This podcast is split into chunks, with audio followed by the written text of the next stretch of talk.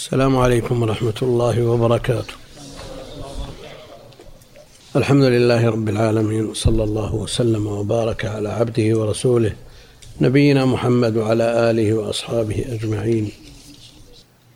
أما بعد فيقول المؤلف رحمه الله تعالى وعن النواس بن سمعان بن خالد الكلابي صحابي معروف وقيل لأبيه أيضا صحبة رضي الله عنه قال إذا ثبتت صحبة أبيه يقال رضي الله عنهما لكنه يساق بصيغة التمريض وقيل لأبيه صحبة. وعن النواس بن سمعان رضي الله عنه قال قال رسول الله صلى الله عليه وسلم إذا أراد الله تعالى أن يوحي بالأمر إذا أراد الله إثبات صفة الإرادة لله جل وعلا على ما يليق بجلاله وعظمته خلافا للمعطلة الذين ينفون الصفات. إذا أراد الله تعالى أن يوحي بالأمر تكلم بالوحي. فيه إثبات صفة الكلام لله جل وعلا على ما يليق بجلاله وعظمته.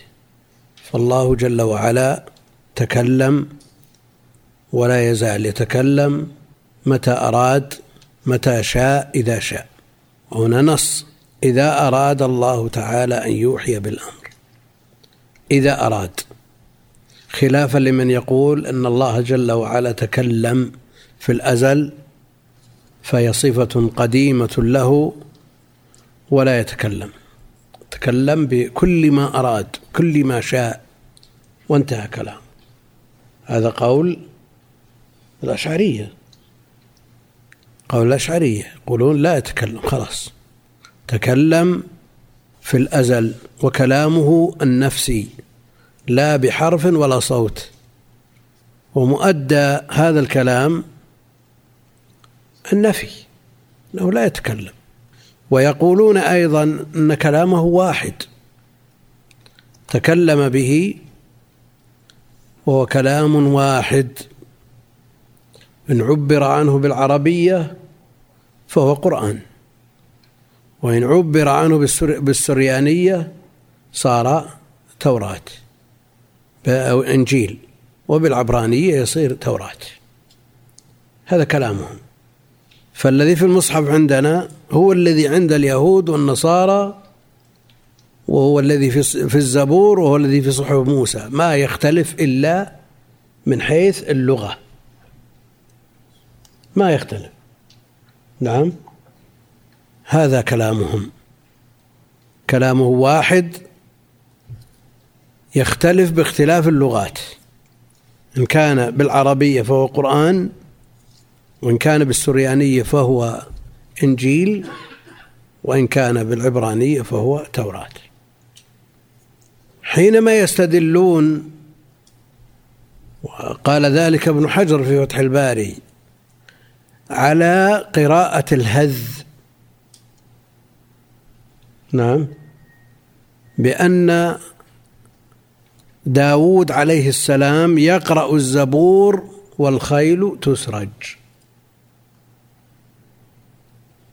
يقرأ الزبور والخيل تسرج. على أن الزبور هو القرآن لكن بلغة أخرى. ولا بالإمكان أن يكون حجم الزبور آه، مناسب لهذه المدة وينفصل, وينفصل عن الإيراد. لكن على مبني على رأيهم من الزبور هو القرآن لكن تختلف اللغة. طيب ورقة لما سمع ما سمع من النبي عليه الصلاة والسلام ماذا قال؟ هذا الناموس الذي أنزل على موسى. لكن هل هذه هي التوراة التي أنزلت على موسى لكن بلغة العرب؟ لا. هو يقصد جبريل. حامل الوحي. ما يقصد المنزل. ما قال هذا عندنا نعرفه. و, و ورقة يكتب الكتاب العبراني ويقرأ باللغتين منها العربية يحسن العربية وغير العربية فما ما يصير فيه جديد بالنسبة له. لكن ما أدري كيف تصل العقول إلى أن يقال إن التوراة والإنجيل هي القرآن لكن بلغة تختلف. والذي حدهم على ذلك أن القرآن قديم. خلاص تكلم مرة وبكل ما يريد وهو قديم. نعم لا نختلف أن كلام الله قديم النوع حادث متجدد الآحاد. فهو جل وعلا يتكلم في الأزل ويتكلم متى شاء إذا شاء. إذا أراد الله تعالى أن يوحي بالأمر تكلم بالوحي. إذا أراد أن يوحي نعم. وشو لا يصرحون به. يصرحون به. إذا أراد الله تعالى أن يوحي بالأمر تكلم بالوحي. أخذت السماوات. أخذت السماوات مفعول. منه رجفة هذا الفاعل. أخذت السماوات منه رجفة. خوف وفزع من الله جل وعلا. السماوات. أو قال رعدة شديدة خوفا من الله جل وعلا. فإذا كانت السماوات تخاف هذا الخوف وهذا الفزع الشديد والملائكة يصيبهم الغشي فكيف يعبد غيره؟ يعني إذا كان الملائكة وهم من أشرف الخلق إذا استثنينا خواص بني آدم عند من يفضلهم على الملائكة يخافون ويخشى ويصيبهم الغشي فكيف يعبدون؟ مخلوق مثلك. خوفا من الله عز وجل فإذا سمع ذلك أهل السماوات صعقوا صعقوا وخروا لله سجدا. صعقوا وخروا لله سجدا. يعني إذا أفاقوا المصعوق آه، لا يمكن أن يتصرف بسجود ولا غير المصعوق آه، المغشي عليه. ما يتصرف تصرف مثل هذا. وبعضهم يقول خروا لله سجدا ثم صعقوا والواو لا تقتضي ترتيب. وعلى كل حال هذا النص. فيكون أول من يرفع رأسه ما أن نقول فيكون أول خبر خبر كان مقدم ما يرفع رأسه جبريل اسمها مؤخر. أو العكس مثل ما مضى في الحديث السابق. فيكلمه الله من وحيه بما أراد. فيكلمه من وحيه فيكلمه الله من وحيه بما أراد. يعني الكلام مربوط بالإرادة والمشيئة فهو يتكلم متى شاء.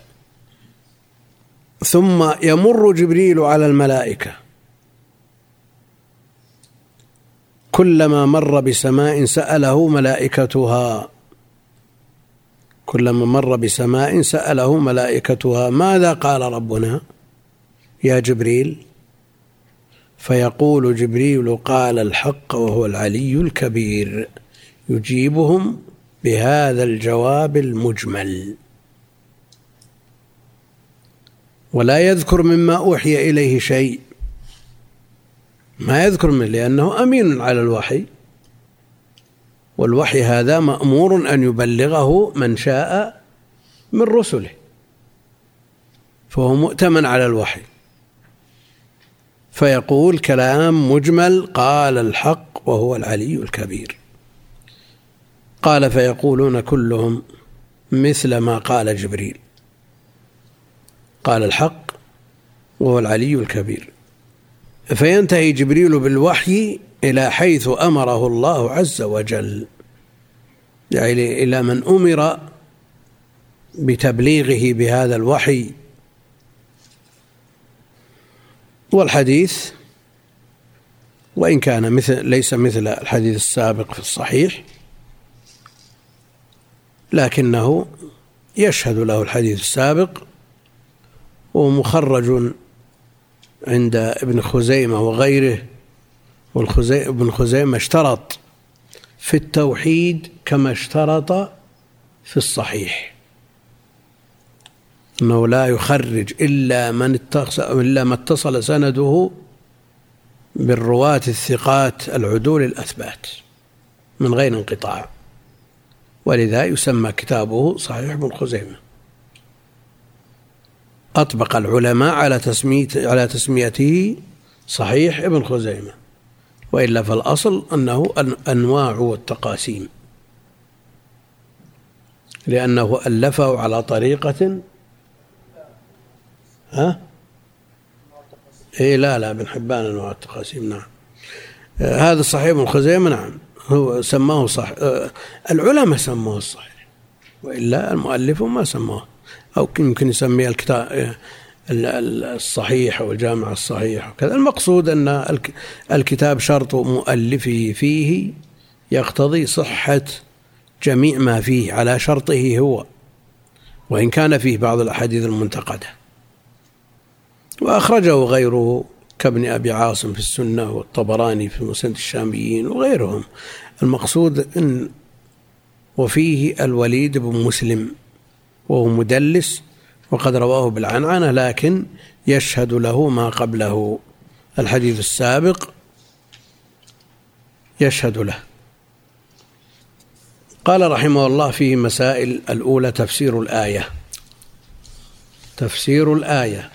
حتى إذا فزع عن قلوبهم قالوا ماذا قال ربكم؟ قالوا الحق وهو العلي الكبير. وقد سبق الكلام فيها يعني فزع كشف عنهم الفزع. سألوا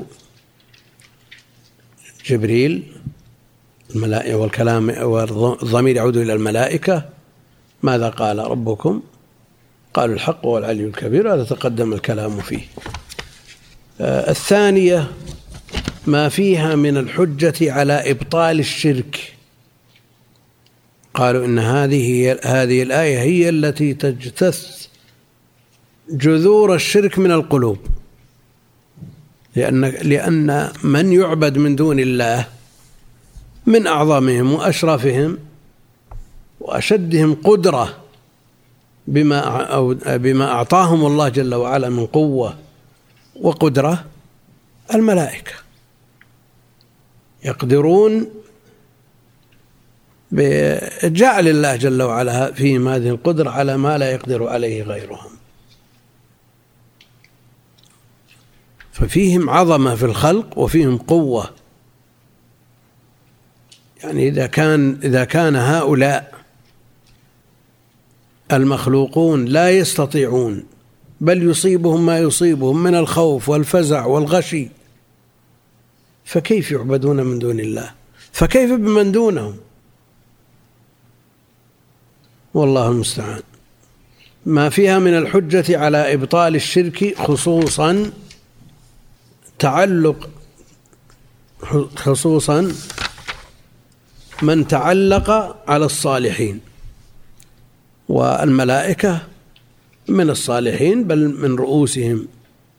وهي الآية التي قيل إنها تقطع عروق شجرة الشرك من القلب.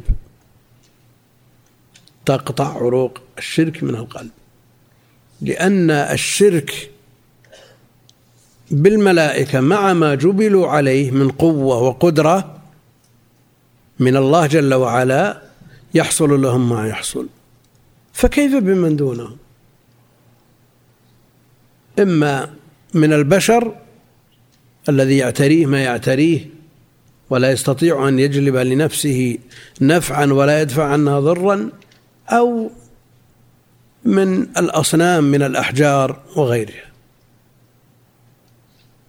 لأنهم قالوا أن الرجل إذا أراد أن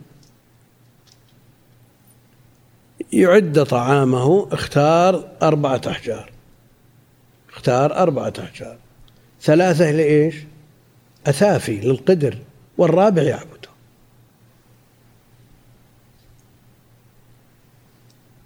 أين عقولهم؟ كما قال بعضهم أين عقولنا لما كنا نعبد التمرة فإذا جئنا أكلناها؟ قال أخذها باريها نسأل الله الثبات على دينه.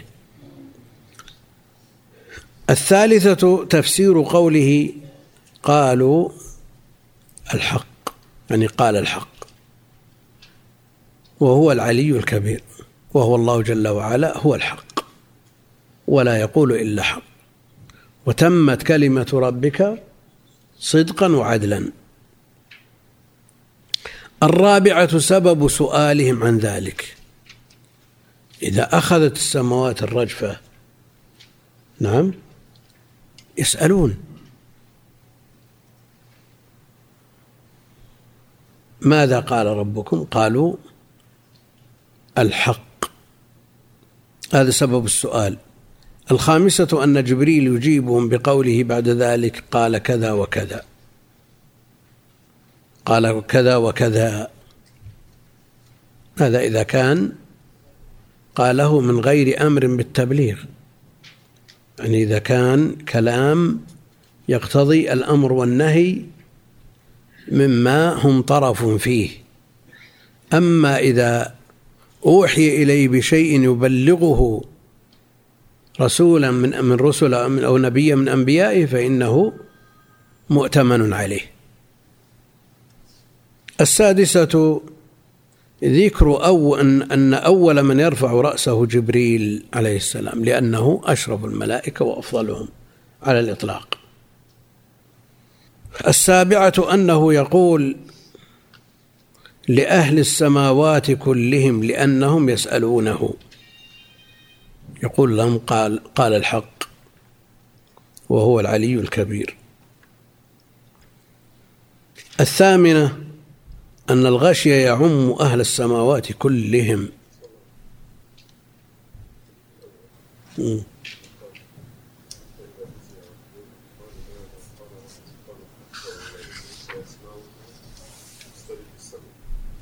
إيه. يسمع الكلمة. إيه؟ يسمع. يسمع الكلمة لا من الوحي المأمور بتبليغه لرسول لرسول من الرسل. وين؟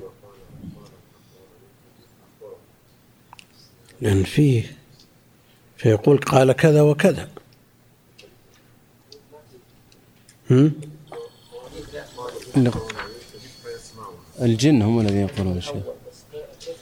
قال حتى إذا فزع عن قلوبهم قالوا ماذا قال ربكم؟ قالوا الحق وهو العلي الكبير فيسمعها مسترق السمع مسترق السمع هكذا بعضه فوق بعض وصفه سفيان بكفه.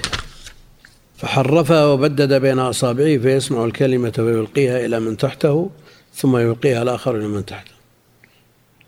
هذه ليست من لا شك أنها من الوحي لكنها من غير المأمور بتبليغه لرسول مما اؤتمن عليه جبريل.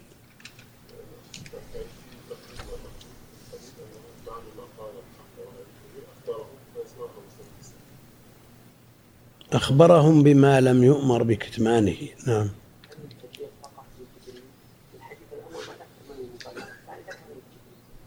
إيه لا هو هو رسول الوحي خاص بجبريل. إيه, إيه. لا هو جبريل هذا. لأن الحديث سياقهما واحد. الثاني في الوحي. الثاني لا يخبر إلا أن الحق. الأول أخبر مع قوله بالحق ما ما أمر به فيكون فينتهي جبريل بالوحي حيث أمره الله عز وجل. هذا الثاني. ولا هم حديث قصة واحدة يعني ما هي ما هي متعددة. فيحمل هذا على هذا. من غير من غير الوحي من غير الوحي المتلو. هذا من غير الوحي المتلو. إذا أمر بالأمر من أي أمر كان؟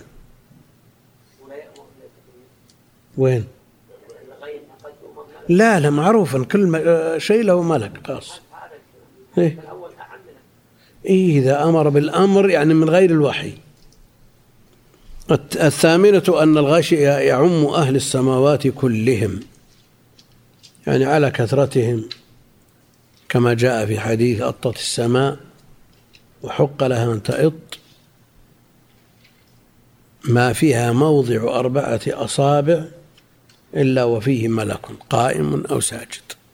وفيه أيضا بالنسبة للبيت المعمور الذي يدخله كل يوم سبعون ألفا لا يعودون آخر ما عليه منذ أن خلقهم الله جل وعلا.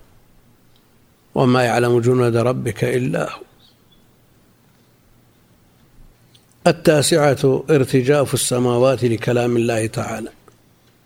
خوفا وهيبة. ووجل ونحن نسمع كلام الله ونقرأ كلام الله ولا يحدث فينا شيئا. لو أنزلنا هذا القرآن على جبل لرأيته خاشعا متصدعا من خشية الجبل حجارة صلبة وقلوبنا أقسى من الحجارة. نسأل الله العافية. لما كانت القلوب حاضرة في الصدر الأول يحصل شيء من الغش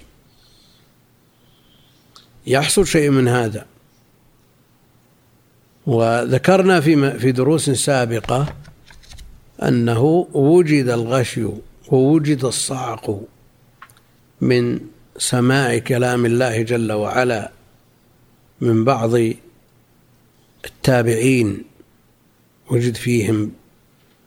ومن بعدهم من أهل الصلاح والخير وأستدرك على هذا بأنه لماذا لم يحصل من النبي عليه الصلاة والسلام؟ النبي عليه الصلاة والسلام يحصل منه شيء من ذلك أثناء الوحي.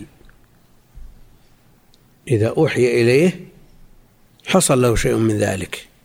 لكن في التلاوة ما حصل إلا البكاء منه عليه الصلاة والسلام. وأيضا هذا ما عرف عن كبار الصحابة لكنه عرف في طبقة التابعين ومن بعدهم. يحصل غشي يحصل صعق وقد يموت السامع من هؤلاء لأنه حاضر القلب مستحضر لعظمة الله ولعظمة كلامه. ينكر ذلك محمد بن سيرين ويقول هذا الذي يصعق أو هذا الذي يغشى عليه اجعله فوق جدار واقرأوا القرآن. إن سقط فهو صادق. لكن ما ثبت عن السلف في هذا كثير ويثبته أئمة الإسلام ومنهم شيخ الإسلام. ويقول أن السبب في كونه لم يحصل من النبي عليه الصلاة والسلام ولا من كبار الصحابة أن القرآن لا شك أنه ثقيل. وتأثيره في القلوب بالغ. لكن القلوب قوية. قلبه عليه الصلاة والسلام يحتمل. لأنه طلب منه أن يتحمل ويبلغ. ولو كان يصعق أو يعني تعب تعب شديد. وأرخ من ذلك. إنا سنلقي عليك قولا ثقيلا. وعائشة تقول إنه لا يوحى إليه ورأسه على فخذي يكاد أن يرض. من ثقل ما يوحى إليه. أنا ما ما نستوعب مثل هذا الكلام لأن ما لنا بلمه ولا إلينا. يقرأ القرآن ولا كأننا نسمع القرآن. إلى الله المشتكى. ذكروا بترجمة زرارة بن أوفى أنه سمع إذا نقر في الناقور. في صلاة الصبح من الإمام صعق ومات. يعني هؤلاء العقلي العقلانيون وغيرهم ومن لا يستوعب مثل هذا الكلام ينفيه لأنه ما له ما له علاقة بهذه الأشياء. لكن مع ذلك قد يقول قائل ولو أول مرة يسمع هذه الآية؟ ها؟ شو؟ إيه لأن الإيمان يزيد وينقص. يزيد وينقص أحيانا يصير الإيمان في منزلة عالية جدا فيتأثر كثيرا. والإنسان يجد هذا من نفسه أحيانا يستحضر عند قراءة عند سماعه آية فتدمع عينه أحيانا كأنه يقرأ عليه من جريدة. التفاوت هذا موجود والله المستعان.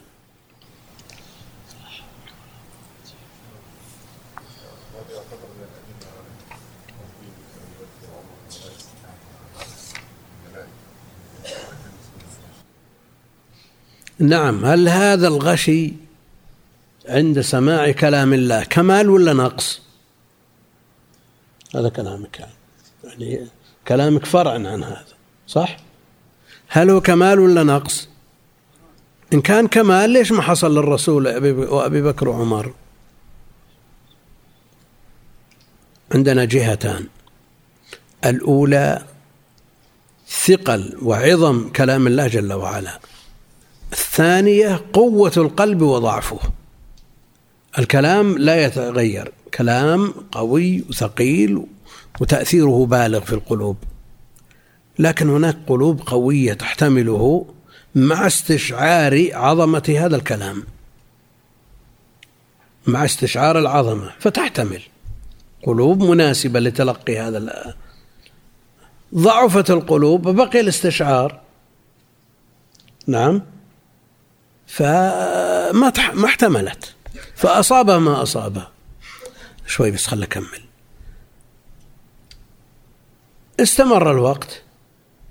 فذهب الاستشعار مع ضعف القلوب. ما في تأثير ولو كان القلب ضعيف. نسأل الله العافية. وهذا الذي دهانا. قلوب ضعيفة بدليل أنه لو أصيب بماله. ما تحمل انهار. أو أصيب بولده انهار. أو رأى نتيجة تحليل لنفسه ينهار. قلوب ضعيفة. لكن ما في استشعار لعظمة القرآن. هذا اللي يجعل التأثير ضعيف في هذه القلوب.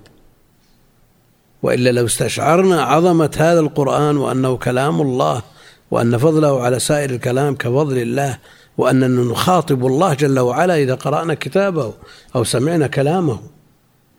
حصل لنا من التأثير ما يحصل لكننا غافلون سادرون وكأن الأمر لا يعنينا.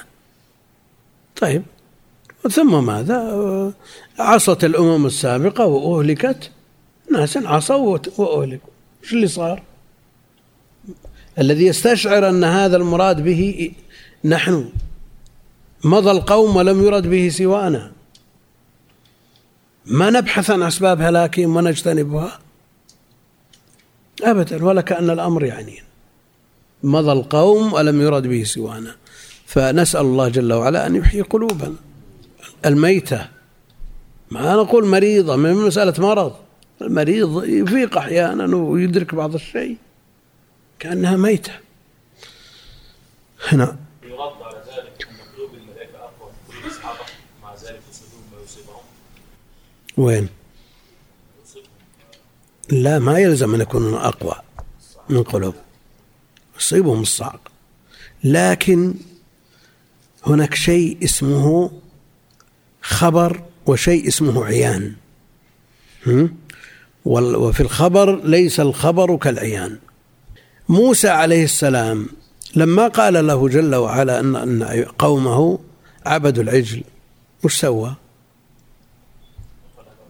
لا ما ألقى الألواح حتى رآهم. حتى رآهم ألقى الألواح فليس الخبر كالعيان معروف هذا.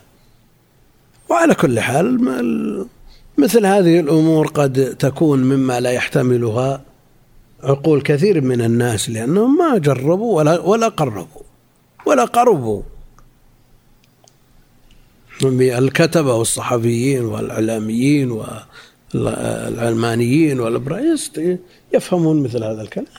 لكن إذا كان طلاب العلم وأهل العلم قد يستغربون مثل هذا لأنهم فيهم بعد عن مثله. لا وجد كثير. أو نقول هذا مو بصحيح مثل ما قال ابن سيرين. يقول اجعله على جدار مرتفع واقرأ القرآن إن سقط فهو صحيح ولا يمثل.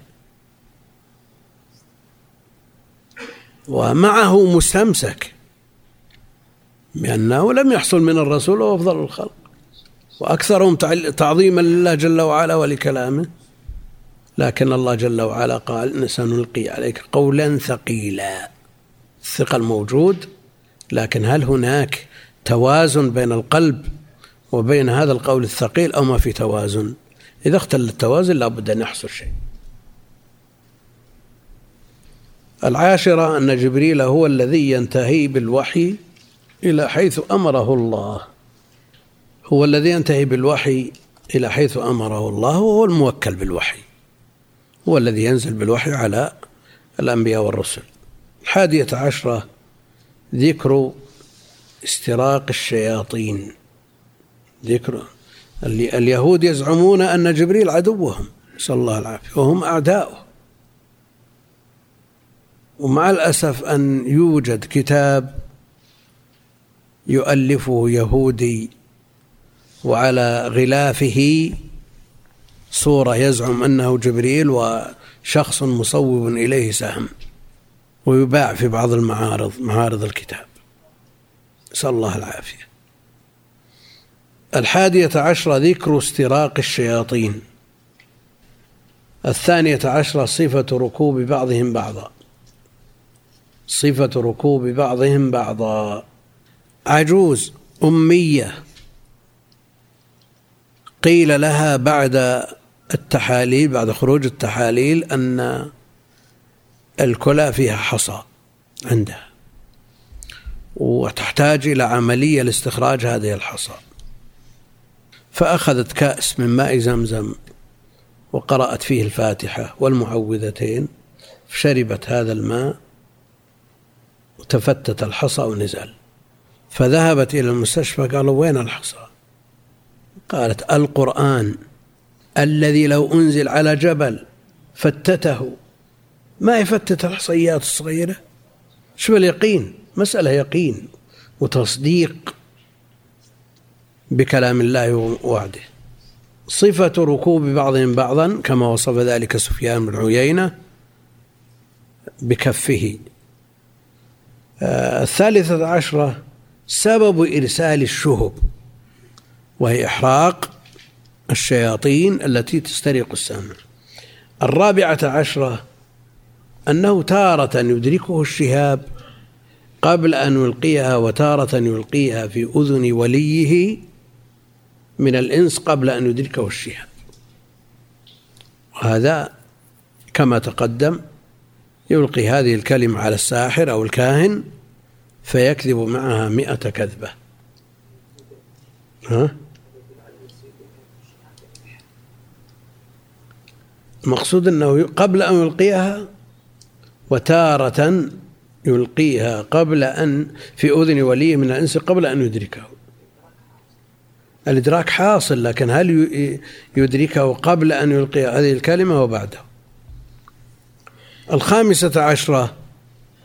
كون الكاهن يصدق بعض الأحيان. بسبب هذه الكلمة التي التقطها الشيطان. وأكذب الناس قد يصدق. كما قال النبي عليه الصلاة والسلام عن الشيطان صدقك وهو كذوب. صدقك وهو كذوب. ولذا يقرر أهل العلم أن حديث الكذاب مردود بالاتفاق لكن هل يجزم ويقطع بأن كل ما يتكلم به كذب؟ لا. ولذلك يوجد من بعض أحاديث من اتهم من من حصل منه الكذب والوضع يوجد في حديث ما يوافق أحاديث الناس. السادسة عشرة كونه يكذب معها مئة كذبة. السابعة عشرة أنه لم يصدق. كذبه إلا بتلك الكلمة التي سمعت يصدق أو يصدق. إلى ضابط عندنا يصدق. وش النسخة اللي معك؟ ها؟ إيه إيه. لأن الدس دس السم في العسل هو الذي يجعل الإنسان يتورط ويأكل من هذا العسل. فلو كان كلامه كله كذب ما صدقه الناس. لكن قد يصدق. مرة واحدة فيلبس على الناس. الثامنة عشرة قبول النفوس للباطل. كيف يتعلقون بواحدة؟ ولا يعتبرون بمئة كذبة. قبول الناس للباطل. يعني قبول القلوب للباطل لا سيما البدع التي يزينها الشيطان أسرع من السيل في منحدره. ولذلك ما نسبة هذه الواحدة إلى المئة؟ واحد بالمئة. ومع ذلك يجد من يمشي عليه تزويره وتدليسه فيقبل كلامه أليس قال يوم كذا وكذا كذا وكذا؟ يعني فطابق الواقع فطابق الواقع. التاسعة عشرة كونهم يلقي بعضهم إلى بعض تلك الكلمة ويحفظونها ويستدلون آه، بها. كونهم يلقي بعضهم إلى بعض تلك الكلمة. ويحفظونها ويستدلون بها. يوحي بعضهم إلى بعض زخرف القول. من هذا الكلمة التي اختطفت اختطفها الشيطان الجني وألقاها على وليه من الإنس. هذا هذا الانسي يلقيها على آه، أمثاله ونظرائه. يفتنون بها الناس. العشرون إثبات الصفات خلافا للمعطلة مثل الإرادة ومثل ما مر بنا من كلامه جل وعلا. الحادية والعشرون التصريح بأن تلك الرجفة والغشي خوفا من الله عز وجل. في الحديث الأول قال خضعانا خضعانا وتأخذ السماوات رعدة أو رجفة كل هذا من خوف الله جل وعلا.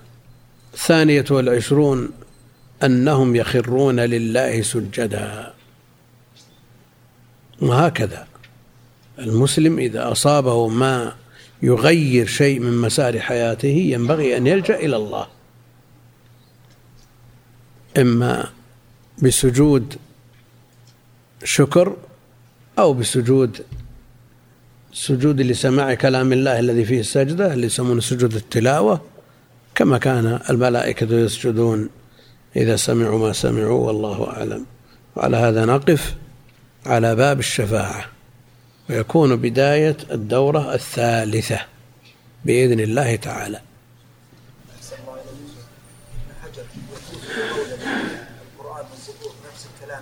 ما ما وشلون أجل يستدل؟ الأشعري في الاصل في الأصل أشعري. هو استدل به ويقول الكلام قديم. ويقول الحديث الجديد وقيل للحديث كلام الرسول عليه الصلاة والسلام حديث في مقابلة القديم وهو كلام الله.